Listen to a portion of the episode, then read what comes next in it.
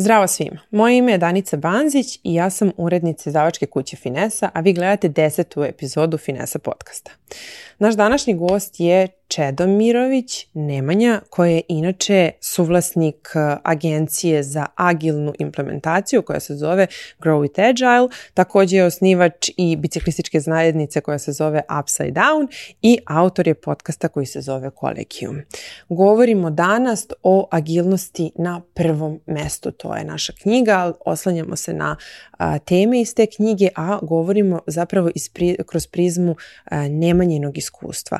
A, slušajte nas, čućete mnogo toga o tome šta znači zapravo agilnost na prvom mestu, kako izgleda agilnost, odnosno agilne transformacije i implementacije iz ugla nekoga ko se bavi upravo time i ko radi sa širokim spektrom kompanija iz različitih industrija.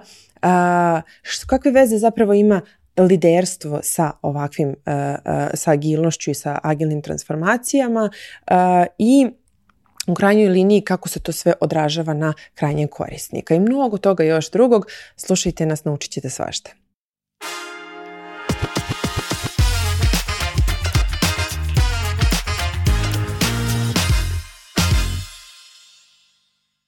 Nemanja, šta za tebe podrazumeva koncept agilnosti na prvom mestu? sposobnost da se menjamo nevjerovatnom brzinom.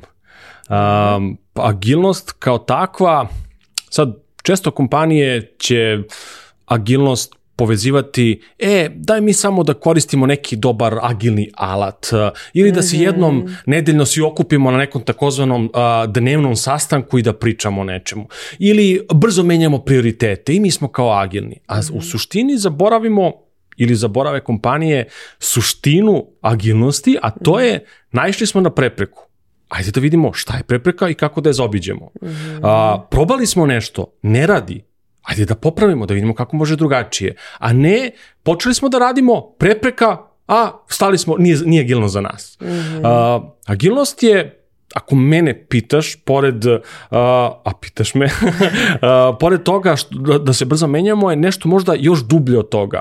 A to je kako se mi ophodimo prema poslu, pre svega prema ljudima na poslu. Mm -hmm. Jer agilnost je nastala uh, iz jedne pobude, to je agilna metodologija kao takva, prvo je nastala iz pobude da kontrira nekom tradicionalnom menadžmentu, mm -hmm. pre rigidnom. Dva, rigidno, mm -hmm. uh, gde se znala tačno pravila, mora mm -hmm. samo tako, gde, ne znam, po fazama se sve radilo, gde faza 2 ne može da krene pre faze 1 i samo tako i nikako drugačije. Izvinjavam se. Mm -hmm. Gde je agilno došlo i reklo, e, čekaj, možda ovo može malo drugačije. Kako A drugačije? Ko, ko, mhm. ko je krenuo sa tim? Ko je zapravo sam koncept uveo Ajde, u ove... Možda da krenemo i o, o istoriji malo. malo može. 2001. godine je nastala, nastala agilnost. Dobro. Um, negde, a zanimljivo je da poslednjih 4-5 godina možda kompanije su kao, a sad agilno, sad je nešto novo, hajde to da radimo, a zapravo ako mhm. pogledamo istoriju, 20 godina više nego punoletna, je tako, da. metodologija, dakle nije mlada. Dobro. 2001. godine nastaje a, od skupine ljudi entuzijasta u tom trenutku, pre svega u IT industriji, to moram da naglasim, iako se danas koristi u mnogim drugim industrijama, Dobro. gde su došli, da kažemo, lideri vodećih korisničkih grupa tipa neko je voleo samo Microsoft tehnologije, neko neke PHP tehnologije i tako razne neke tehnologije su tu bile i svi ti ljudi su radili na nekim velikim projektima I način na koji su do tada radili, za njih je bio prespor. -hmm. u smislu nisu mogli brzo da se menjaju, sve previše rigidno kao što si rekli i tako dalje. Da su rekli, ajde da se okupimo svi zajedno, da probamo da smislimo pandan tom nekom tradicionalnom takozvanom waterfall načinu rada. Mm -hmm. I 2001. godine se okupe u Aspenu, mislim, na jednoj planini, svi oni tamo sedeli, pričali i iz toga iznedrili jedan agilni manifesto ili agilni manifest mm -hmm. ili jednu agilnu knjižicu koja kaže agilno počiva na neke četiri vrednosti i 12 principa. Mm -hmm. I tu je zapravo krenula neka agilnost kao takva da parira, da kontrira tom nekom tradicionalnom projektnom mm -hmm. menadžmentu i načinu vođenja projekata. I od tu datira zapravo sva ta agilnost u smislu, a o tome pričaju te vrednosti i principi koje kaže vrednuj ljude, pa ćemo vrednovati neke procese, pa vrednuj korisnika, pa vrednuj ono što praviš. Nije bitno sad da li mi imamo neki 100 stranica neke dokumentacije, jer to što pravimo neko hoće da koristi, jer njemu znači to što koristi, nije samo fancy i super radi.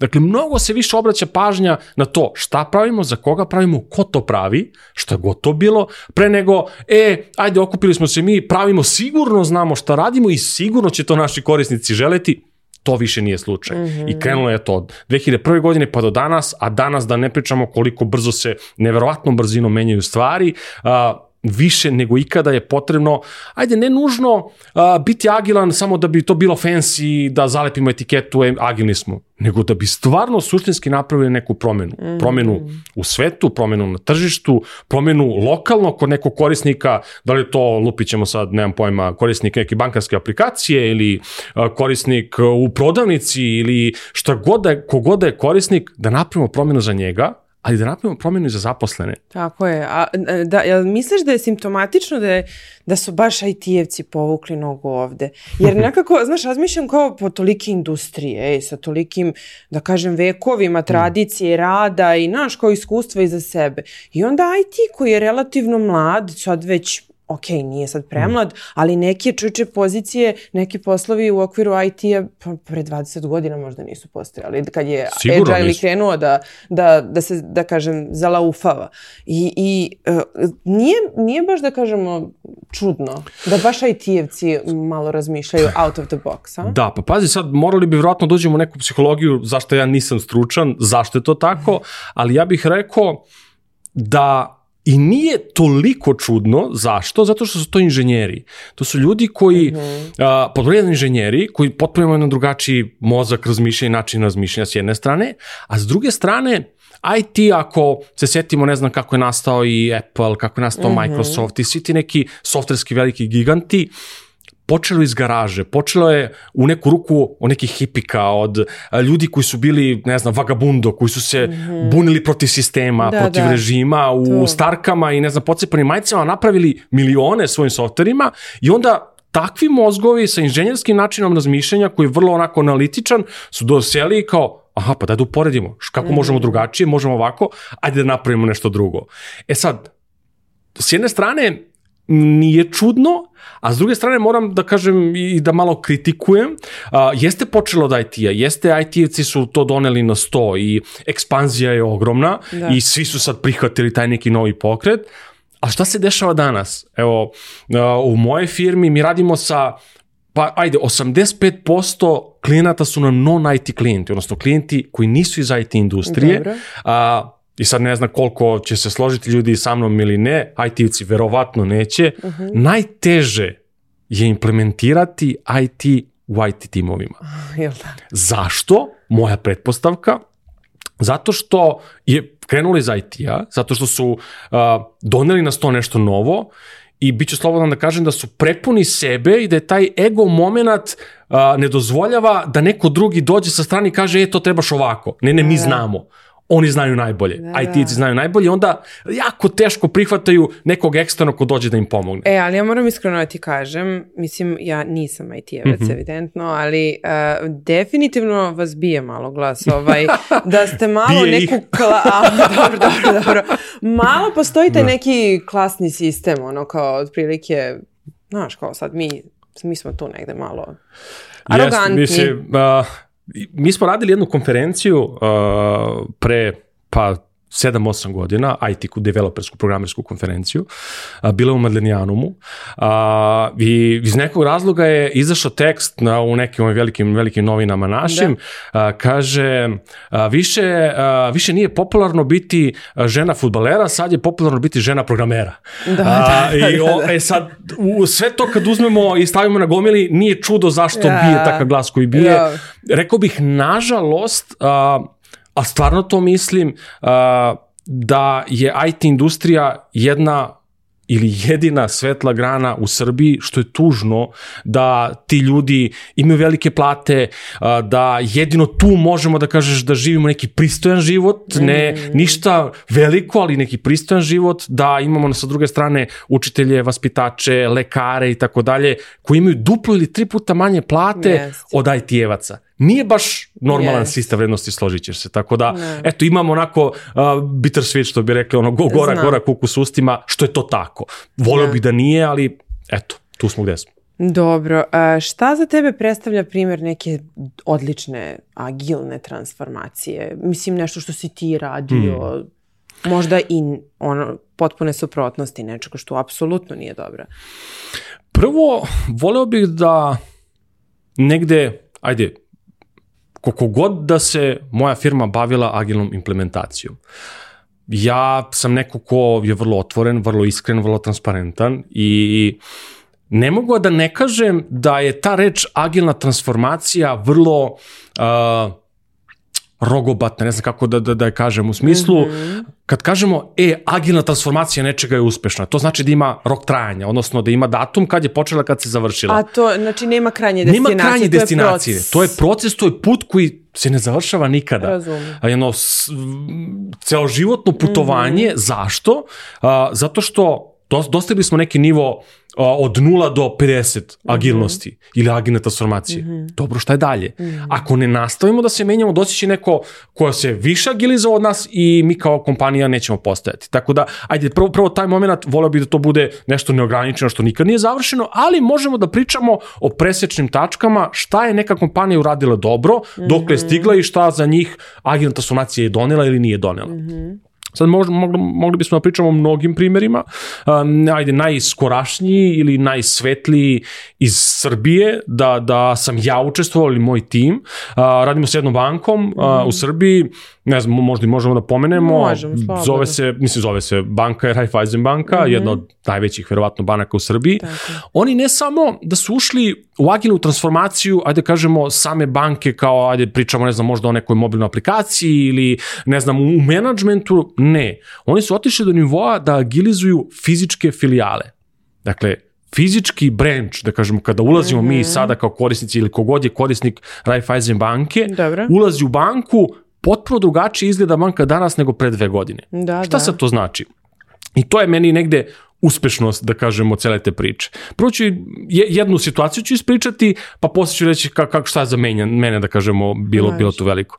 Dolazimo jedan dan na sastanak i kreće priča, priča se razne diskusije, u nekom trenutku jedan dečko prilazi meni kao, e Nemanja, ali možeš da izađeš ispred da popričam? I ja uglavnom uvek krećem iz negativno, ja šta sad tu ne valja, Pavle se zove dečko, kaže, moram nešto da ti kaže. Rekao, reci. Samo ti se zahvalim, kaže, prvi put posle 15 godina se moj glas čuje. Aha. Znači, 15 godina je on radio na jedan način, mi smo sada novim nekim načinom rada, novim procesom, da kažemo agilnim, uspostavili sistem gde više nije bitno samo šta se kaže gore negde, na nekom vrhu piramide u nekoj, nekoj banci, nego i dole, na donjim nižim nivoima šta neko kaže da ide dvosmerno. Mm -hmm. I to je suština uspešnosti bilo koje agilne transformacije. Mm -hmm. Da sistem rada koji uspostavimo ne bude e, to smo uspostavili, to će tako sigurno raditi, a to je, ja ti kažem da uradiš tako i tako. Ne, nego kako postavljamo sistem da šefovi veliki imaju svoj, da kažemo, glas da kuda vode firmu, ali da mhm. zaposleni koji najviše su opterećeni, da kažeš prvi na udaru, kako njihov glas da se čuje, šta njih boli, šta njima smeta, kako da to što oni kažu dođe do vrha menadžmenta i da se to implementira, promeni, čuje kako god. Mm -hmm. E to je uspešnost, da kažemo, iz moje perspektive, iz ugla zaposlenog koji je tu na određeni, određenom sistemu, njemu se promenio život mm -hmm. suštinski do tog nivoa. To je, da kažemo, jedan nivo s moje strane. Drugi nivo bi bio sam korisnik. Šta agilna transformacija, ajde za primjer pustit ćemo ponovo RAIF, u fizičkoj filijali znači za korisnika? Kako je to bilo do juče? da kažemo po znacima navoda. Ja kao korisnik ulazim u filijalu i mene već do, dočekuje blagajnik, ne znam, jedan je samo za fizička lica, drugi je samo za pravna lica, treći ne znam za šta, tačno se zna kod koga se šta ide, ne možeš ti sad tu da biraš mnogo šta čekaš ćeš, kako red. ćeš, čekaš red, prilagođavaš se suštinski banci. Da. Kako je to danas? Ti ulaziš u filijalu, tebe dočekuje, um, zaboravio sad ime, uh, ili možda i ne smem da pomenem kako se zove ta uloga danas, dočekuje te jedna osoba koja, gde smo hteli da stvorimo domaćinsku atmosferu, gde, dobar dan, kako ste, šta vama treba danas, kako mu da vam pomognem, aha, treba vam to, ajmo zajedno, ja ću biti uz vas. Da prosto taj, taj do, domaćinski pristup u jednoj velikoj korporaciji bude, uh, bude prisutan. Da ti ja kao korisnik osjetim, čekaj, čekaj, ja nisam samo neko ko je ovde uh, plaća mesečno, kako se zove, održavanje ove banke, kartice, mm -hmm. nego sam mhm. neko koga vrednuju, ko hoće da se posjetim ovom problemu, ko će me pitati šta mi zapravo treba, da se prilagodi oni meni, a ne ja banci. Mm -hmm. E to je, da kažemo, iz drugog, drugi nivo gde se više korisnik ne bude uh, e, ovo je naša firma, mi ovako radimo, ti se prilagođavaš nama. Ne, ti si korisnik, mi se prilagođavamo tebi. Znači, to je ogroman zaokret u, u razmišljanju, a možemo bilo koju drugu industriju da, da, da uzmemo, a, gde se korisnik stavlja na prvo mesto, to je često floskula, kad kažu, a, nama je korisnik na prvo mesto. Pa šta to znači? Znači da se ti prilagođavaš njemu, a ne od tebi. A često mhm. kompanije zamene teze, da, da nama je korisnik u, u fokusu, ali onda sve što radimo je kako mi hoćemo, a ne kako korisnik hoće. A ovo si e, već pominjao, malo čas smo pričali mm -hmm. o tome i u knjizi kažu autori o agilnosti na prvom mestu, kažu da nema univerzalnog rešenja mm -hmm. za implementaciju nekih agilnih procesa ili strategije sve. I to si ti meni malo čas rekao i ti si radio sa širokim spektrom kompanija iz različitih industrija. I sad ti evo radiš sa Raiffeisenom. Ti stvarno moraš da oslušneš, da ih čuješ i kako, kako izgleda, evo mene stvarno zanima sada, mm -hmm. kako izgleda to i inicijalno, kako to kreće, šta ti sve moraš da znaš i da naučiš, jer pazi ti ovde pričaš i u nekom, na, ne, na nekom nivou o psihologiji, jer ti sad meni kažeš, znaš, hoću, hoću da moćinsku atmosferu, a sad ja gledam, razumeš, ti si IT, za mene je to kao ono, ti mhm. znaš tu strukturu, napraviš to, x plus y jednako ovo ono, predaš im to, kažeš to bi trebalo ovako da izgleda, a pazi, tebi je, tebi je važno da se čuje glas jednog mm. zaposlenog, kako će njegovo razmišljanje i doživlje i utisci da se čuju tamo gde treba da se čuju, pa kako će da ima doživlje neka bakica koja zaluta u Raiffeisen, razumeš? Tako. I sad ja razmišljam koliko ti u stvari moraš stvari da oslušneš, da posložiš, da bi zapravo napravio jednu implementaciju samo za jednu kompaniju. Mm. Pa onda potpuno drugačije može da izgleda, izgleda za neku healthcare kompaniju, jel? Pa onda potpuno drugačije, znači meni je to sad ono kao... Ja bi, ja, ja bi još zumirao što bi rekli, uh, jedna kompanija, ne više, nego u toj jednoj kompaniji imaš više odeljenja, pa za jedno odeljenje će biti implementacija na jedan način, za drugo odeljenje u istoj firmi će biti na drugi potpuno drugačiji način. Znači ne mora znači da će u jednoj kompaniji biti isto. Da. To će samo uh, možda jedan primer, vrlo ću ga slobodnim prevodom a, i interpretacijom ispričati, ali mislim da im gađa pointu pa možemo, možemo da pričamo o ome. Davno kada je, a, možda čak i dešava se period preagilnosti, gde agilnost vuče dosta korena iz a, Toyote kao automobilske mm -hmm, industrije. A, I u jednom trenutku Toyota je jako napredovala, brzo je prodavala automobile, brzo su pravile automobile, mnogo su porasli jako i američka autoindustrija je počela da se plaši I onda su rekli, e, ajde mi da pošaljemo nekog špijuna, da malo gleda kako Toyota radi, pa da naučimo nešto od njih. Ode sad špijun tamo, godinu dana prati, uh, zapisuje sve, vrati se u Americi, donese sve napisano, počnu oni da primenjuju kako sve radi Toyota i počne automobilska industrija u Americi da raste do nekog trenutka. I stane. Sad ovi staju i ne mogu dalje, a Toyota ponovo nastavila da ih šiša. Ma nisi, kaže, ti to dobro vidio, ajde ponovo. Ode on drugi put, gleda on, pa čekaj, ni, uopšte nije isto kao prošli put. Šta se desilo? Ma verovatno sam ja pogrešio nešto. Aj ponovo da pišem. Piše on ponovo kako rade, odlazi drugi put, počne oni da primenjuju, ja ponovo raste, super, ponovo stane. Ma moram, kaži, treći put idem. Ode treći put, oni potpuno drugačije rade. Poenta priče, agilnost kao takva bila u jednom odeljenju, celoj kompaniji, druga industrija, je nešto što se konstantno menja. Zato agilna transformacija nema kraj. Nema recept, nema, e, ja ti dođem, ti si banka, tu, tu, ajde da ti ispišem ja kako ti 1, 2, 3, 4 šta da uradiš. To ne postoji. Niko ne može to da garantuje. Taj ko vam garantuje, samo će da vam uzme pare. Mm -hmm. Znači, ne, ne, jer ne zna. I cela poenta je to, taj empirijski način da mi vidimo šta radi, da probamo mm -hmm. na jednom malom mhm. segmentu, da naučimo pa da idemo dalje. U suštini svaki naš projekat, posao, um, situacija, industrija sa kojom radimo, šta mi moramo da uradimo da bismo tebi kao neko ko je vlasnik, Lupiću sada, healthcare kompanije, ja moram da dođem i da pričam s tobom. Dobre. Da te razumem šta te boli. Mno, mnogo pričam o tome i sa kompanijama, evo sa tobom, šta tebe zapravo boli? Mm -hmm. Jer ako tebe ne boli ništa, pa ja ti ne trebam.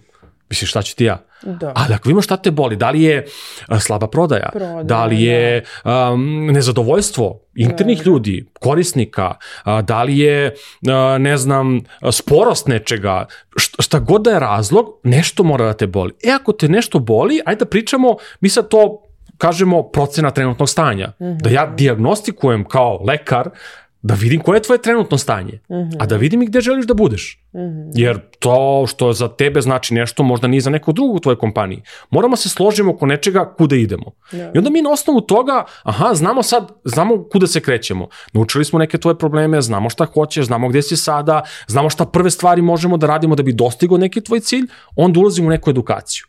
Mi moramo da edukujemo, da li to bilo ove knjige koje čitamo, da li to bili podcasti, da li to bila, uh, bio trening, šta god, ali moramo da dovedemo sve nas na isti nivo razumevanja, isti nivo, isti jezik da pričamo, da se razumemo. Mm -hmm. E onda tek ulazi implementacija. Mm -hmm. Ta transformacija je zapravo implementacija koja mm -hmm. kaže šta mi radimo danas drugačije da bismo bili korak bliže onom cilju sa početka priče. Mm -hmm. I ta implementacija nije ništa drugo nego mali eksperimenti i tu onako disclaimer podvučeno dve crte, highlight, žuto kompanijama, nemojte raditi transformacije Big Bang, odnosno vi ste firma od 15 ili 1015 ljudi, e, vi donesete odluku na management nivou, sledeće godine mi smo agilni. To ne radi, to neće raditi. Ali radit će na malim primjerima, na, na fokus grupama, ajde da testiramo, da vidimo šta je za tu fokus grupu Šta je, šta je agilno za tu grupu? Pa u istoj toj firmi, šta je za drugu? Neće biti mhm, isto, mhm. ali će imati presečne tačke. Mhm. Te presečne tačke su nešto što mi skaliramo na čitav, čitavu kompaniju. Tako kad ja dođem sutra, ne znam koja nam je sad najskorašnja industrija nova koju radimo, FMCG, odnosno fast market consumer good, to su um, Coca-Cola, Pepsi, sve, sve takve, da kažemo, kompanije. Jedna od njih sa kojom radimo, to je potpuno za nas nova bila industrija. Mi smo morali prvo da naučimo o, o njima, ko su oni, šta su oni, ko, čiji su njihovi problemi, šta ih boli, šta ih žulja, a to smo radili kroz taj assessment, odnosno procenu, pa onda edukacija, pa onda implementacija. Implementacija je ništa drugo, da smo odabrali pilot timove sa kojima radimo, 3 do 4, da vidimo šta je zajedničko za sve te timove, šta je agilno za tu industriju, mm -hmm. u ta mhm. četiri tima, mm -hmm. e onda to ide dalje. Mm -hmm. I čak i to što je zajedničko, vremenom ćemo menjati ali ćemo staviti rok. Ajmo šest meseci testiramo, aha, to radi super, ajmo novi šest meseci, da bismo posle godinu ili dve dana rekli, e, vi ste sad ovde, sad ste skočili dva ili pet nivoa iznad. A često kompanije žele preko noći. Mm -hmm. Kao, skoro sam pričao s jednom kompanijom i kao, e pa nam, mi smo probali agilno nam, pre par godina, nama ne radi. Dobro rekao, ajde da pričamo o tome šta, šta ne radi, pa šta ste probali, šta niste i dođemo do toga da su oni tri meseca nešto pokušavali i nisu uspeli i vratili se na staro. Pa rekao, i jeste nekad trenirali, rekao, u teretani, kao sad čudno, kao, jer idete na trening, pa idem tu i tamo, pa ima rezultata, pa onako, pa neće ni imati. Mislim, posle tri meseca i sporadično odlaženje u teretanu i nastavak sa istom ishranom, nema rezultata. Nema rezultata. Ali ako hoćemo rezultate, mora promenu ishranu, navike, spavanje, non stop u teretani, ono, da kažemo, kontinuirano, E tako ćemo doći do rezultata, tako će agilna transformacija uspjeti. Transformacija nije ništa drugo nego promjena navike, navika ponašanja, mm -hmm. kako smo radili nekako, nekada ranije, više ne možemo. Ne znači da ćemo sve promeniti, ali neke stvari ćemo sigurno promeniti i da budemo disciplinovani i da budemo strpljivi. Nama mm -hmm. u, u DNK, u Srbiji, kao kulturi nije utkana strpljivost, rekao bih. Uh, sve bismo mi odmah i sad i preko Jeste. noći, a, a nećemo da, da sačekamo rezultate. Za yes. bilo koju agilnu transformaciju, bilo firma imala petoro ili 500 plus ljudi, šest meseci je malo. Dakle, šest meseci mi moramo, mora, moramo da steknemo naviku da to kako smo radili ranije sad je drugačije. I moramo konstantno to da ponavljamo. Pa kad smo dovoljno vežbali da nastavimo još. Mm -hmm. Mi u firmi se šalimo i ne šalimo, uh, pričamo uvek plus jedan.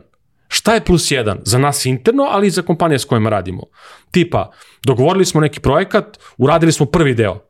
I pre nego što mi pošaljemo da prezentujemo ili šta god uradimo klijentu, pitamo se, a šta je plus jedan? Sve je super, sve, a šta, šta je plus jedan? Ne šta je mašica, nego šta je i uh, višnjica ili cherry on top ili kako se to zove. Dakle, mm -hmm. uvek idemo korak dalje, jer to je nešto što pravi razliku. Mm -hmm. To nas izdvaja iz mase, iz gomile, jer ako se utopimo u neki mediokritet, mediokritet da, da. Onda ništa nismo radili. Mm -hmm. A mhm. to važi i za bilo koju agilnu transformaciju. Da. I to je meni negde, kada pričamo o agilnosti kao takvoj, meni je to zdrav razum, meni je to um, osnova razmišljanja zdravog života, mm -hmm. životno, privatno, pa onda i poslovno. A često, često dobijam kontra, kontra argumente ili diskusije, aha, pa ta agilnost, da, daj da vidimo tu neki, Jeff Sutherland je napisao neki Scrum, neku agilnost, nešto, kako mi to da primenimo? Čekaj, pusti to po strani. Hajde da pričamo mi o, o ovim stvarima. Mm -hmm. A to su sve negde, ja bih rekao, normalne stvari, da se ophodimo kao čovek ka čoveku, da pričamo o stvarima koje nas bole, da pričamo otvoreno o greškama, da pričamo otvoreno šta je to što smo radili juče nije bilo dobro, kako to da popravimo, a ne da upiramo prstom. E, ti, si, ti nisi to dobro uradio. Ili pogotovo ta kultura, ponovo u Srbiji podvući ću drugačije nego u drugim zemljama, da, kultura mikromanagementa. Da, da. Da, ili kad rade kompanije sa mnom, imaju, imaju potrebu kao, a šta mi radimo danas? A, a šta ćemo raditi sledeće nedelje? A kad je kraj? A kako to izgleda dalje? Ne znamo. Moramo dan po dan da dođemo do toga kako to izgleda. Ja nemam odgovor na sva pitanja i nemam disati za vratom, jer sigurno nećemo raditi dobar posao ako mi ti bdiš štapićem izgled, jesmo to uradili dobro. Pa nismo, mislim, ako nastaviš ni nećemo. Tako da puno, i puno bih imao da pričamo o kulturi nas kao nacije, ali tu smo gde smo. Dobro, a e, sad e, da se vratim na ono, ti ja smo pričali o tome malo čas, kako u Srbiji zapravo kompanije reaguju na neuspeh? Pričali smo o uspešnoj ovoj implementaciji agilnih praksi da. e, procesa. E sada ti si mi i pomenuo to kao da, da generalno naslutila sam da u Srbiji generalno reakcija nije baš najpovoljnija u smislu da nije transparentna, da se ne govori otvoreno tome, a moramo da razumemo da je neuspeh sastavni deo. Evo i sam si rekao, na šta znači agilnost? Agilnost znači probam, failujem, ok, idem iz mhm. početka, menjam nešto. Probam, failujem, generalno fail je ne nešto što ovde žulja uši više nego išta, a čini nam se barem na zapadu onako da ljudi vole taj moment da mm. ispričaju kako su kao Feniks, ono iz pepela iznikli, ono izgoreo sam pa evo šta se desilo. Kod nas toga nema, kod nas nekako mi volimo da to izgleda sve mm. super upeglano. Šta, kako je tvoje iskustvo tu? Pa još grđe od toga kako si ti opisala u smislu uh, ne samo da ne pričamo o failu, nego kad se fail desi mi ga zapakujemo, uh, ćušnemo neki ćošak, pa pod krevet, pa u oblandu, pa sve to zamažemo i kao, ja sve super. A nikako nije super. Da. Uh, a to potiče sad, ponovo, ne bi da zalazimo odakle potiče, ali ću samo da pretpostavljam da potiče iz, ne znam, straha od uh, nemaštine, ko, ratova svih koji smo proživjeli, od otkaza, od toga da neću znati kako, neću umeti, neću imati, da me niko neće zaposliti, pa da da se ja ne zamerim, pa samo da sve bude okej, okay, pa daj da samo da ćutim, bit će... Imamo neku kolektivnu traumu, Sigurno. vučemo nešto od Sigurno. toga, ako ništa barem sankcije, toga se barem sećamo da mami i tate nisu imale hm, poslove jest. i to. Jeste i mislim da to je utkano duboko uh, u, u, u, u glavama, da kažeš, ljudi i sad tu ponovo vraćanje na, ona, na onaj vagabundo moment, mm -hmm. ti onda imaš pojedince individue koji tako iskaču iz gomile i uh, mašu zastavicom, e, može drugačije, može drugačije, ajde da pričamo o nečemu, a onda su često um, nije, nije vandalizovani, neka druga reč hoću da, da upotrebim, gde su ti ljudi stavljeni u... u, u žigosani, žigosani je to, to, to, to. Mm -hmm. A, kao što, što ti sad buniš, to, kao što tebi nešto ne odgovara mm -hmm. stalno. A, I to je nešto što je veliki problem, pod broj jedan, neću reći izazov, problem je, mm -hmm. a, i, i na, jedna, od, jedna od najvećih prepreka da kompanije u Srbiji skoče korak dalje u nekoj agilnosti. Mm -hmm. Jer dogod mi ne kažemo ovo nije bilo dobro, mi ne možemo da napredujemo. Mm -hmm. Ponovo apropo treninga ili psihologije i terapije, uh, evo, te, terapija kao, kao, kao pojam, pa to je ideš na terapiju. Stigmatizacija, ona pa ti, par excellence. Ti nisi nešto dobro, da, to da, nije... Da. A, a to je higijena. Yes. Mentalna higijena o kojoj moramo mnogo da pričamo, koja se ne priča uopšte. Bitno da minemo teretanu i da je sve Tako super, je. a, a u glavi što, što je haos, to to ništa. Da. E, kad to rešimo, tek onda će doći do toga i da pričamo o kompanijama, nekim greškama i tako dalje. Mi smo pokušavali u nekim od kompanija da ne mogu da kažem, moram samo podvučem, ima svetlih primjera i te kako, i to čak korporacija, ali većinski u globalu smo i dalje i dalje na, na niskom nivou, a pokušavali smo da implementiramo takozvane popularne fuck up nightove, odnosno to je koncept, Aha. sad ne znam ko, ko, ko bi srpsku reč upotrebio da ne, bude, ne bude pogradna. Dovoljno gde, ovako. Dovoljno ovako. A, da, a to je moment da ja izađem ispred kompanije i pričaš šta sam loše uradio. Meni to odlično. E, to je nešto što je što je fenomenalno, yes. gde je to moment kad se mi povezujemo. Da, da. I ja ću se povezati s tobom kada vidim da si ranjiv, a ne Tako ti si, ja sam supermen, sve super. Pa nije. Tako Ajde da vidim, ti si živo biće, kao, kao i svi mi. I ti šef, i ti CEO, i ti direktor i tako dalje. Tako je, tako, tako da je onako velika tema, kompleksna tema, mnogo malo se priča o tome, ima naznaka da, da, da kompanije sve više o tome pričaju, ali jako malo i volio bih mm. da, da, da ih bude, bude sve više, jer mislim da je to za nas kao naciju, a pogotovo kompanije, ne, najneophodnije. A reci mi, uh, u kakvoj su vezi liderstvo i dobra, uspešna agilna transformacija. Koliko u stvari je uh, lider onaj koji je naj, da kažem važan, pre, koliko je njegova uloga važna u kreiranju nekog da kažemo agilnog okruženja? Šta je to danas? Kako to danas izgleda? Presudno. Presudno Presudan da? link, presudna veza. Ti, ti si lider. Ti jesi lider. Kako se ti snalaziš u tome? Sad pričamo baš o, o konkretno da. o tvojoj kompaniji, o, o tvojim mm. ljudima, o tvojim timovima. Kako jedan lider zapravo može da živi tu kulturu agilne komunikacije i transformacije? Mm, vidiš, nisam razmišljao o tome da sam lider, ali kad stavimo Jesi. sve na tas i jesam Jesi. u neku ruku, ja sam više neko, volim da kažem, neko ko vodi ili predvodi firmu. Uh, negde sam možda prvi na udaru kad je nešto loše i tako dalje, javno. Bukvalno opisujemo. Da, opisujemo lidera, ali ono što, bi, što bih voleo da istaknem je, ja, hajde, kao, kao lider, na čemu puno potenciram i na čemu nešto što bih savjetao svima, da, da, da moraju da stave kao lideri broj jedan zadatak, a to je uspostavljanje kulture. Mm -hmm. Kakvu god želimo da uspostavimo i da budemo svesni da mi kao lideri šta mi radimo i kako se ponašamo, to modeluje ponašanje ljudi s kojima radim. Neće biti kontra. Ja ako lupam sada, ako sam ja kao lider neko ko je a, zagovornik rada iz kancelarije, pa nećemo ljudi raditi od kuće. Oni će podržavati reći da, treba da radimo iz kancelarije. Mm -hmm. A ja sam recimo lider koji i tekako zagovara rad od kuće.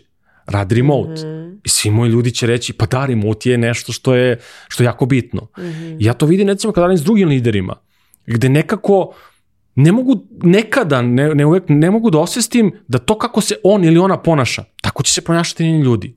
Nikako kontra. I ako pričamo o agilnosti kao takvoj, ja kao lider, kako se ja ponašam u toj kompaniji, apropo agilne transformacije, tako će cela organizacija da se ponaša. A šta je za tebe agilna komunikacija u tvom timu? Da li to znači da smo totalno transparentni, govorimo o svemu, uh, znaš, šta je za tebe to predstavlja? Ne nužno, ali transparentnost po broj jedan. Mm -hmm. Ja recimo u firmi kod nas je sve transparentno, od financija, plata, sve, ali to je radikalna transparentnost. To je nešto što mm -hmm. mislim da jako, izuzetno mali broj kompanija će imati i postoje razlog zašto nemaju toliko radikalnu transparentnost, mm -hmm. mogu to da razumem, ali evo sad je i tekako aktuelna tema IT otkaza. Jeste IT industrija svetla tačka i tako dalje, ali puno otkaza se desilo u prethodnih godinu i nešto dana. E, prelilo se mnogo iz Amerike, e, puno toga, puno banaka u Americi puklo, a puno naših je radilo za te firme i tako dalje. Mhm. U Srbiji, ne znam, u posljednjih godinu dana preko hiljadu, možda i više ljudi dobilo otkaz. Mm -hmm. Bukvalno dobilo, nije dalo otkaz. Um, to je nešto što slobodno ću reći, na, vrlo traljavo odrađeno iz ugla mhm. lidera, u smislu komunikacijski, transparentno, mhm. nije pričano gde su problemi, kuda se krećemo, šta će se desiti, jer je bilo evidentno šta će se desiti, a mnogi ljudi, mnoge kompanije su dočekale zatvorena vrata u Beogradu, pričamo u Beogradu, i da nisu mogli da uđu u kompaniju zato što su dobili otkaz ili nisu mogli se ulogu na računar i tako dalje. A potiče od toga da lideri tih kompanija nisu iskomunicirali dobro a, naravno, ili uopšte znali. nisu iskomunicirali, a znali su. E, to je agilno liderstvo. Da ja kao lider izađem i kad je dobro, ali izađem i kad je loše. E, ljudi, loše je. Zbog toga, toga i toga. Možemo da probamo, probat ćemo, ovo su koraci koje smo preduzeli, ovo radimo na smanjenju štete ili čega god, samo da znate da se spremite a ne da dođem ja utro na posao i da me dočeka prazan, prazna kancelarija. Mm -hmm. Dakle, taj komunikacija kao takva, mislim da je broj jedan za lidera, da nauči da komunicira, ne politički, ne da se krije iza uh, rola svojih titula, iza uh, plate koju možda ima najveću kao lider u firmi i tako dalje, nego da bude neko ko izađe kad je teško. Mm -hmm. Koga ljudi prate zato što je on izašao kad je teško. Prvi je tu na udaru kad je teško. Uh, komunicira stvari, komunicira na dobar, efektan, jasan način. Dakle, ta komunikacija je, mislim, broj jedan za agilne lidere. Broj dva, obhođenje prema ljudima. Uh, evo, uzela si mene kao, kao primer, mm -hmm. kad bi ti došla do duše, mi smo remote, ali imamo vreme kad dolazimo u kancelariju, kad bi mm -hmm. ti mhm. ušla u kancelariju i ovako pokušala pogledom, ponašanjem, da, gestikulacijom, da vidiš ko je lider, da. da vidiš mene, da me ne poznaješ. Da, da ti ne bi znala da sam ja po znacima navoda šef ili vlasnik te firme ili sam zaposleni. Mm -hmm. Zato što ni na jedan način, ni na koji način ne pokazujem da sam ja šef ili vlasnik. Od toga nemam svoju kancelariju, nemam svoj sto, sednem gde ima mesta, uh, nisam najviše obučeniji tamo, nisam najglasniji, uh, nisam, uh, ne upirem prstom, e ti to, ti to i da se sve oko mene vrti, da se svi sjate oko mene. Toga nema. Mm -hmm. E, mhm. to, nego neko ko je iz senke, iz pozadine, neko ko vuče konci kad niko ne vidi, neko ko će da istrči prvi kad treba da se pomogne, kad treba da se uleti nešto, kad treba da se reši. E, to je za mene lider. Mm -hmm. To su pravi lideri gde negde sve više se borim ili promovišem taj moment harizmatičnog lidera pre nekog pre nego neki tradicionalni lider koji dođe ja sam šef ja tako kaže tako mora. Pa ne mora. Može i drugačije. E, više, više bih voleo da postoje takvi lideri koji su harizmatični gde uđu u prostoriju i obasjaju tu prostoriju mm. uh, i neko ko ispriča brod plovi tuda, mm. a ne pa moglo bi levo i desno, čekaj da pitam ja pa ću da vidim gde ide, to nisu lideri. Mm. To su, ja ih zovem forward menadžeri. Neki super vlasnik im je rekao da to treba da uradi, oni su to rekli, je, to radimo. Mm -hmm. E, to za mene nije, nije lider. Tako da ne znam da sam uspio da ti, da ti da, da odgovorim, da, ali to, to bi bilo za mene to bi za mene bila uloga lidera u, u agilnoj transformaciji. Ako da sad svedemo na agilnu transformaciju, puno primjera sam viđao dobrih, loših uh, agilnih lidera koji implementiraju transformaciju u svojim kompanijama. Tu je jedan od meni najdraži primer koji, koji pominjem, jedna od banaka isto s kojom radimo, uh, to jest, u stvari pomenuo sam malo pre, uh, Raiffeisen, radili smo, uh, mimo drugih projekata, radili smo uh, edukaciju za 1600 ljudi u Srbiji. Mm -hmm. Uh, sad radili smo za njih, a radili smo i za druge banke. I sad pazite razliku. Pazi razliku. uh, CEO Raiffeisena je svake druge nedelje dolazio i otvarao govorom svojim motivacionim keynote od 10, 15, 20 minuta, zavisi kad je koliko vremena imao, da ispriča zašto je bitno Zašto ulazimo u transformaciju? Šta će to doneti? Koje promene će doneti? Šta će to značiti za te ljude? Bukvalno je komunicirao sve bitne stvari od toga. Agilnost znači to. Nemojte da se plašite.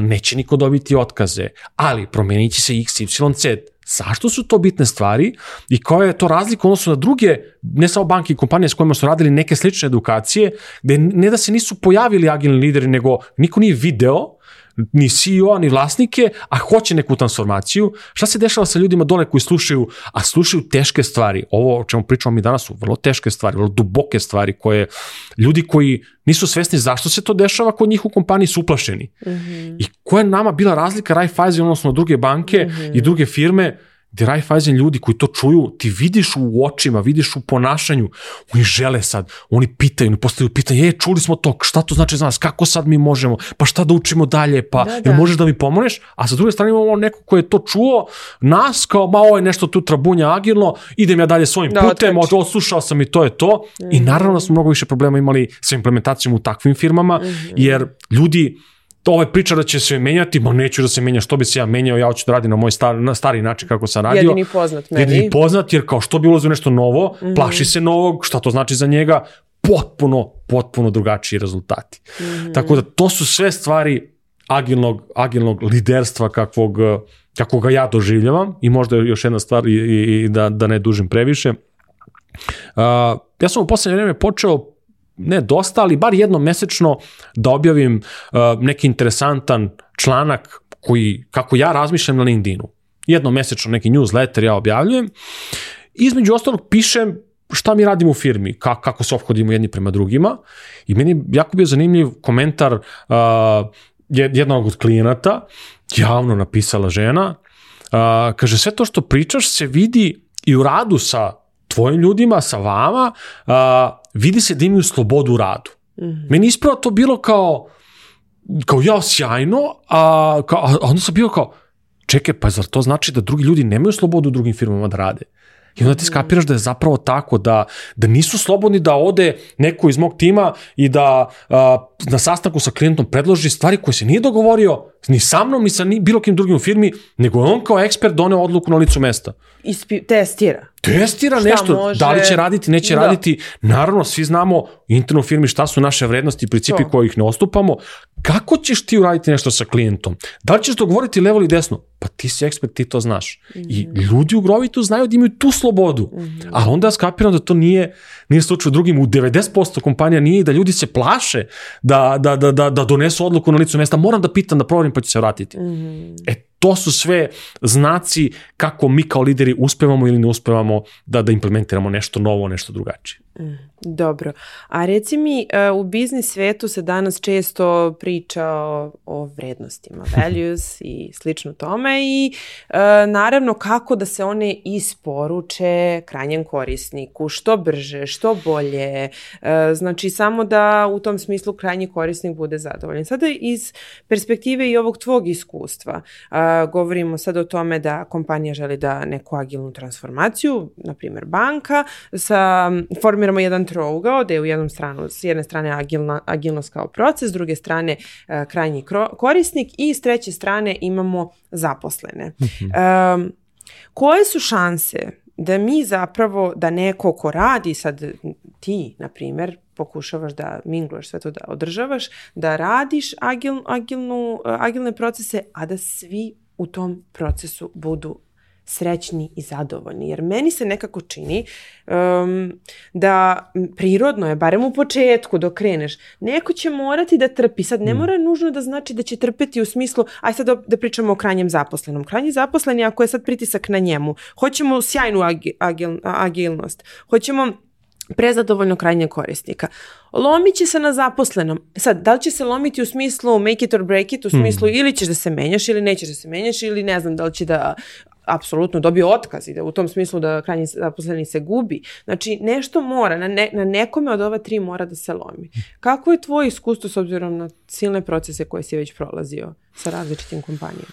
Uh, znaš kako ja to vidim? Uh, bukvalno mi u glavi dok pričaš zamišljam ovako svi, svi smo nekad videli one miksete velike uh, na koncertima ili kako mm -hmm. god i sad imaš one dugmiće koji se pomeru gore Znam, dole. Da, da, da.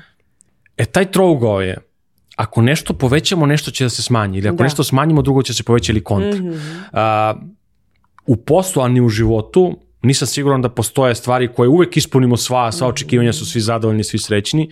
Mora da postoji neki trade-off, mora da postoji nešto što će nekad trpeti ili imati manju pažnju mm -hmm. da bi mhm. kasnije dobilo veću pažnju. Mm -hmm. To je nešto što sam ja nauči na teži način i u svojoj firmi i, i u životu da nekada moraš da usporiš da bi ubrzao.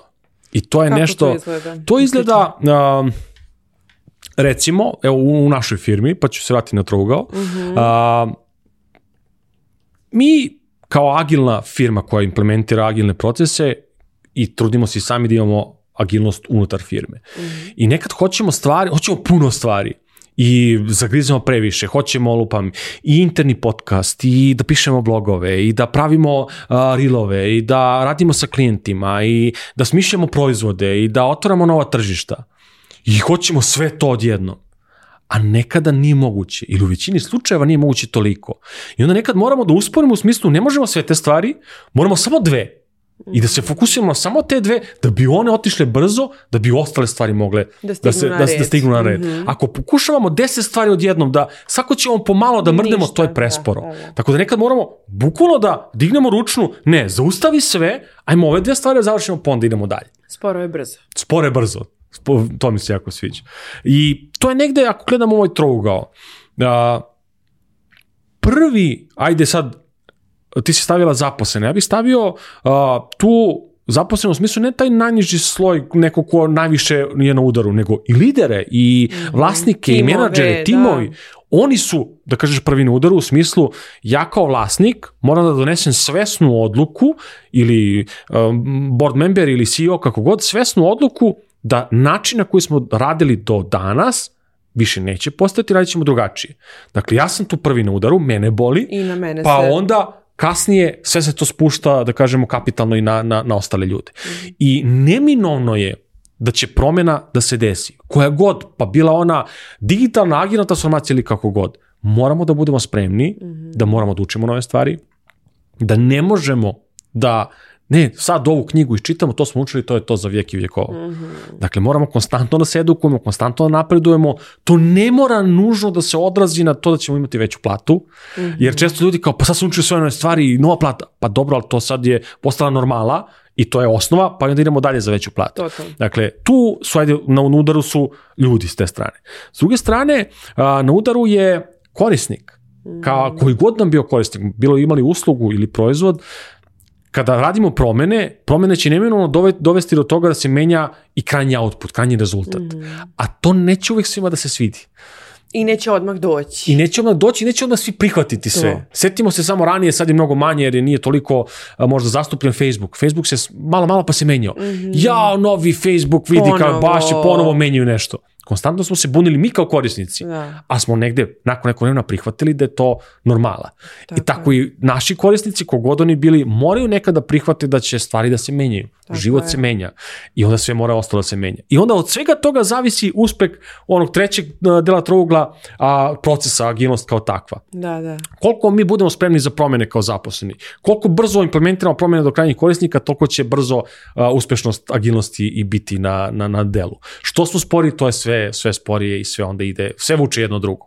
A taj ideal, mislim da ne postoji nigde, ni kod nas, a pogotovo i u svetu, znam x primjera uspe, uspešnih, po znacima navoda, agilnih transformacija, koje i danas nisu završene. Ne znam koliko ljudi to znaju, recimo jedan od primjera, mm, evo, od pre kad je pre godinu dana ili dve je u Srbiji dostupan Spotify kao ona mm -hmm. muzička streaming aplikacija. Mm -hmm. A, Spotify je jedna od najagilnijih kompanija na svetu. Mm -hmm. Oni su izmislili jedan od agilnih frameworka. Ne znam da li si znala. Mm -hmm. I zove se Spotify. Mm -hmm. Ko hoće da googla na YouTube-u, klipovi se zovu Spotify Engineering Culture. Mm -hmm. Prosto na, na engleskom i tako moraju da, da nađu, odnosno Spotify inženjerska kultura, kako mm -hmm. oni rade agilno. Ali šta je interesantno za, za Spotify? Koliko god oni bili jedna od najagilnijih banaka, banaka najagilnijih kompanija na da. svetu, oni ne rade danas kako su radili pre 5, pre 10 godina. -hmm. Kao malo pre ona priča o Toyoti. Konstantno se menjaju, prilagođavaju i konstantno li trougao nekad mm -hmm, nešto urade spor, nekad se pomera, jer prosto moraju tako da rade. Mm -hmm. Ako oni ostanu da, e, ovo smo mi, danas smo završili, to Prešili je to, smo. preli kasnije će da ih prešiša Deezer, Apple Music ili šta već ima od tih streaming, streaming platformi. Tako da, poruka priče, moramo konstantno da se menjamo, inače nije dobro. Da, to ne samo na nivou sad biznis, kulture i ostalo, života. nego života čoveče. Ali to kad si rekao, mislim, e, razumem da u kompanijama se dešava nekada taj otpor kao, kao promenama, ono, osjećaš se nelagodno čoveče, mm. pogotovo kao zaposleni, uplašiš se od svega toga, šta to može, pa mislim, ono, i da odeš u tempo i, i vidiš sada da više ne možeš da staneš samo u red, da sačekaš meso, nego moraš sad da uzmeš kao ono, pa sad vrišti, ono, gore yes. proziva broj 423, ti si u fazonu, man, kao mani me više sa agilnošću, kao došla sam da kupim kilo mesa, ali u suštini stvarno ima smisla čoveč, jer do skora sam morala da gledam da li će neko da mi uleti u, u red. Yes. Tako da sve ima smisla, ali definitivno postoji nekad ta doza otpora, ako ne ništa drugo, barem straha. Ali to je, to ja bih rekao normalno. Prirodno. Prirodno je, mislim, plašimo se promene, ok, ali ono što je, ne znam koja je srpska reč, pomoći ćeš mi push through. Mm -hmm. uh, i izdrži, preguraj, mm -hmm. proći će, bit će sve ok, a nekad nismo, nismo ponovo strpljivi. Ja to povezujem recimo sa, sa vožnjom automobila. Mm -hmm. Svako ko je polagao, verovatno će se osjećati, ko nije, vidjet će. Tek kada položiš za, za automobil, dobiješ dozvolu. Uh, uđeš u automobil, šta je meni bilo? Ja sam, bukvalno sam, meni bio tunel. A ti voziš i kao, aha, i, i vidim samo ono što je napred. Kako se oslobađaš, kako vreme prolazi, ti vidiš sve više oko da, tebe da, širi i se, da, da. širi, šire se vidici. Da, E, da. to je promena o kojoj pričamo, da moramo da prihvatimo, da, da, da moramo da preguramo, da pregrmimo to i bit će bolje, ali, ali neće biti u startu. Da, dobro, super. A reci mi, pričali smo malo pre o a, dobrom liderstvu i koje je kao ključno za uspeh. E sada, kada se koliko agilni lideri, lideri koji se bave agilnošću, mogu zapravo da budu zasleženi za kulturološke promene, koje sigurno su danas, pogotovo u IT sektoru, važnije nego ikada, s obzirom na to da pričamo o timovima koji mogu da budu na potpuno suprotnim uh, stranama sveta. I u vezi sa tim, uh, da se vratimo na onaj remote work, mm -hmm. isto o kom smo pričali malo čas. Uh, znači, koliko je zapravo uh, moguće dobro, dobro uskladiti te timove, kulturološki?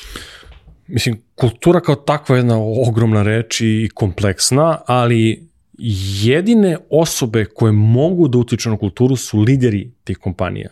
Ne može niko drugi, ne može niko s polja. Ja kogod imao kompaniju koja radi implementaciju agilnosti u kompanijama, ja mogu da dajem preporuke, mogu da dajem savete, ne mogu ja da promenim internu kulturu. Mm -hmm. Ja mogu da naučim lidera kako on interno to da menja. Mm -hmm. Dakle, niko ne može i u mojoj kompaniji s polja da mi promeni kulturu. Mm -hmm. To samo ako ja odlučim, odnosno mi u Grovito ako odlučimo da hoćemo nešto da menjamo, promenit će se. Mm -hmm. A mora da pođe od nekog, da počne od nekog lidera. Mm -hmm. Sad taj um, moment rada od, od kuće, što bi rekli, ili remote rada je, uh, ja sam recimo veliki zagovornik toga, ali on neminovno sa sobom nosi neke ne posledice, nego i loše stvari. Mm -hmm. Jedna od njih je još teže implementirati neku kulturu, neki novi mm način rada. A, mnogo manje se viđamo, mnogo manje se čujemo. Drugačije ti ja u kancelariji pa prođemo, popijemo kafu, popričamo sto stvari. Ja ne mogu da te zovem, e, ajde popijemo kafu. Mogu, ali je mnogo veštački, nije, Ovo nije prirodno. Da, mnogo da. je prirodnije. Tako da sigurno se neke stvari gube, ali se dobijaju mnoge neke druge stvari. Otvara se put ka talentima koji su dostupni preko granica naše zemlje mm. a, ili nekih drugih zemalja. Mnogo manje se vremena troši na saobraćaj, na putovanje. A, mnogo više stvari može se odradi od kuće nego, nego iz kancelarije vremenski, zato što manje gubimo vremena u prevozu, na kafe, na ručkove. A, mnogi ljudi bi voleli i vole da budu tu, da pomognu supružnicima ako imaju decu, ako treba neka pomoć. To ne znači da ne radim, nego uskočim dva minuta, pomognem, Tako vraćam je. se da radim. To znači mnogima. Tako je. Sve su to stvari koje remote donosi, ali neverovatno mnogo mora da se menja način rada i način razmišljanja i kako lideri rade uh, remote nego kad je to u ofisu. Mm -hmm. Ja se tu onako inspirišem puno tim nekim velikim kompanijama koji da rade remote. Dobro. Neke od njih su Buffer, uh, ne znam koliko ti je poznat, mm -hmm. to je, oni prave aplikaciju za schedulovanje postava na društvenim mm -hmm. mrežama, uh, Basecamp, jedan od najvećih project management alata na svetu, uh, Automatic, Automatic je firma koja drži WordPress, kao platformu, a 80 i nešto procenta interneta se vrti na WordPressu. Da. Dakle, mnogo su veliki, par hiljada zaposlenih. Da. Shopify, pomenuo sam Spotify, ovaj Da, Shopify da. je velika platforma za online kupovinu, za pravljenje i prodavnica, elektronskih Da. prodavnica. Oni rade remote potpuno. A, dakle, to su ogromne firme, ogromni sistemi. A kako, kako ti kažeš ugledaš se na njih? Ugledam se na njih Kako? da se inspirišem, a, čitam šta pišu njihovi lideri, kako se ophode prema zaposlenima, koje procese imaju, a, kako rade remote, kako komuniciraju, koje alate koriste, kako mogu ja to da, da implementiram ovde i mnoge stvari smo mi implementirali kod nas. Pa recimo, neke od njih su, a, mi radimo remote, a, Mhm. Šta to znači? Sa svim klijentima radimo remote kad god to može, naravno nekad moramo da idemo u office, ali bez obzira što smo mi remote firma, imamo pravilo, jednom mesečno moramo svi da se vidimo u kancelariji. Dakle, to je moment, je minimum jednom. Ako može više, super, ali ako ne, zna se svaki prvi utorak u mesecu, mi ne radimo sa klijentima, samo smo u ofisu i pričamo o nama interno. Ko smo, kako smo, šta smo, šta je bilo privatno, šta je bilo poslovno, se povežemo na način koji nije samo poslovni. Mm -hmm. To je nešto što sam ja kopirao od drugih, nisam izmislio toplu vodu. Mm -hmm. uh, ne znam, broj dva, uh, korišćenje alata, koliko god agilno pričalo, bitni su ljudi pre procesi alata, super, vrednujemo ljude, ali mora i neki alat da nam pomogne u celom tom procesu. Ne moramo sve da škrabamo na tabli i pišemo sveske. Postoje alati koji nas ubrzavaju puno. Evo, AI je došao, mnogo ubrzava stvari i tako dalje, da se ne plašimo te tehnologije i tih stvari.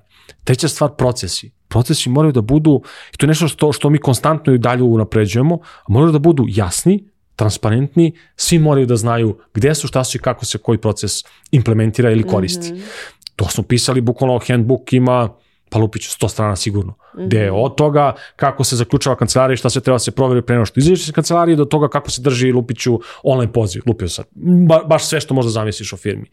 Isto što sam kopirao puno od buffera po najviše uh, ili inspirisao se, mm -hmm. to je mhm. transparentnost. Mm -hmm. Ti ako odeš sada na buffer, b u f f e r .com slash transparency, transparentnost, mm -hmm. možeš da vidiš ti kao individua kolike su plate tim ljudima u bufferu bilo ko na svetu može da vidi. Mm -hmm. Ja sam to iskopirao ne do tog nivoa, nego do nivoa da ti u firmi, kogode je zaposlen u firmi u Grovitu, i zna Excel, može da klikne i da vidi pera, Mika, Žika koju platu imaju koliko.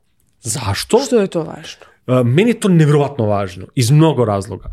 Prvo ja sam radio i u korporaciji, i u startupu, i u NGO, prošao sam da kažeš ceo, ceo krug da bi došao do svoje firme. Šta je, sve se uvek dešava pogotovo u korporacijama?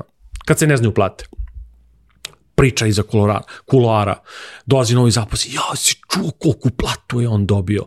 Pa je vidiš ovaj sedi non stop ovde ništa ne radi, znaš koliko on platu, ja sigurno ima veliku platu. -hmm. Mnogo energije, mnogo stresa, mnogo nekih diskusija se vodi oko toga ko koliko platu ima i da li zaslužuje ili ne zaslužuje. A kad imaš transparentan sistem, kad imaš formulu kako dolaziš do toga, kad možeš da porediš, kad vidiš ko koliko radi ili ne radi i možeš da dineš zastavicu i kažeš, e čekaj, čekaj, ja mislim da zaslužujemo džike više, jer pogledaj šta sam je uradio u prethodnom periodu. Ti na taj način u suštini praviš jedan sistem odgovornosti, gde ja ako dovodim u pitanje nečiju platu, ja moram da opravdam svoj, svoj. rad. Tako je. I obrnuto, ako ja znam da ti znaš koja je mm. moja plata, a ja moram da radim da dokažem zašto je primam. To je, nice, sviđa mi se. Ali to je nešto što ne može svako da radi u takvom okruženju. Mnogo smo birali ljude koji imaju Razumno. takav mindset, mindset. jer, znaš, bilo je zaposleni koji su u intervjuima rekli, e, nama to nije okej, okay. dobro, onda ti ne, ne, ne idemo dalje u proces. Da. Sigurno će tvoja plata biti vidljiva svima. Da. Nećeš biti izuzetak. A, tako da to je ta transparentnost od procesa, plata do svega što možda zamisliš je nešto što nama mnogo donosi kao firmi da, uh, evo šta je nama jedna stvar koja nam isto donelo. Mi smo, mi smo ušli u še, ulazimo u šestu godinu poslovanja. Uh mhm. -huh. Prve dve, čak i tri godine nisu bile lake. Uh -huh. uh, to su godine preživljavanja, godine vraćanja kredita, dugova i tako dalje. I onda ti vidiš koliko smo se mi u te prve dve, tri godine, kad svi vide da je crveno, jer mi smo imali Excel gde i pričali smo o tome kao je ljudi, pitanje je sledećeg mesta da će biti plata. I nije Nemanja uzeo, nego mm. vidimo gde su bili troškovi, koliko su otišli, na što je otišlo, tačno se znalo. I onda ti vidiš da niko nije preispitivao, nego, e, dobro, ajde sedamo, šta radimo da, da, da prevaziđemo situaciju. Da smo mi mhm. kolektivno prebrođavali, prebro, pre, kako, kako, kako je ispravno, prebrodili smo gomilu problema samo zato što je bilo transparentno svima gde su problemi i zašto su problemi. Mm -hmm. A gde ja to viđam, druge neke slične kompanije na naše veličine, uh, gde imaju mnogo problema, a vrte se problemi oko toga. Uh, e, Žika neće da nam isplaćuje bonuse, sigurno on uzima za sebe puno. A ti, ja, ja znam da nemaju, a on to ne priča ili ona to ne priča. I ima probleme u firmi zato što ljudi misle da, da ima para, a mhm. zapravo nema. nema. Koliko bi to problema rešilo? Da. A se ljudi plaše da puste, plaše da vide, da će neko videti, da šta će reći. Pa to je ono što smo i pričali malo čas. kulturi. Da, da. Tako da, eto, to je nama transparentnost donela i donosi nam, naravno, ima tu puno problema, ima tu puno izazova s tim, a nije to sve bajno, ali ima mnogo više benefita nego, nego mana, tako da... I ako ništa drugo, zdraviji je takav odnos. Sigurno. Da. Sigurno. A, reci nam nešto o svom podcastu. Ja sam danas saznala da ti zapravo imaš podcast Da. koji se zapravo, koji je neka, na neki način replika all-in koncepta. Tako je, sve, svetski, a inspiracija više bih rekao, daleko sam još od Olina. Olin je svetski podcast gde četiri uh, vlasnika firmi diskutuju na razne te, hot teme iz sveta preduzetništva, biznisa i tako dalje.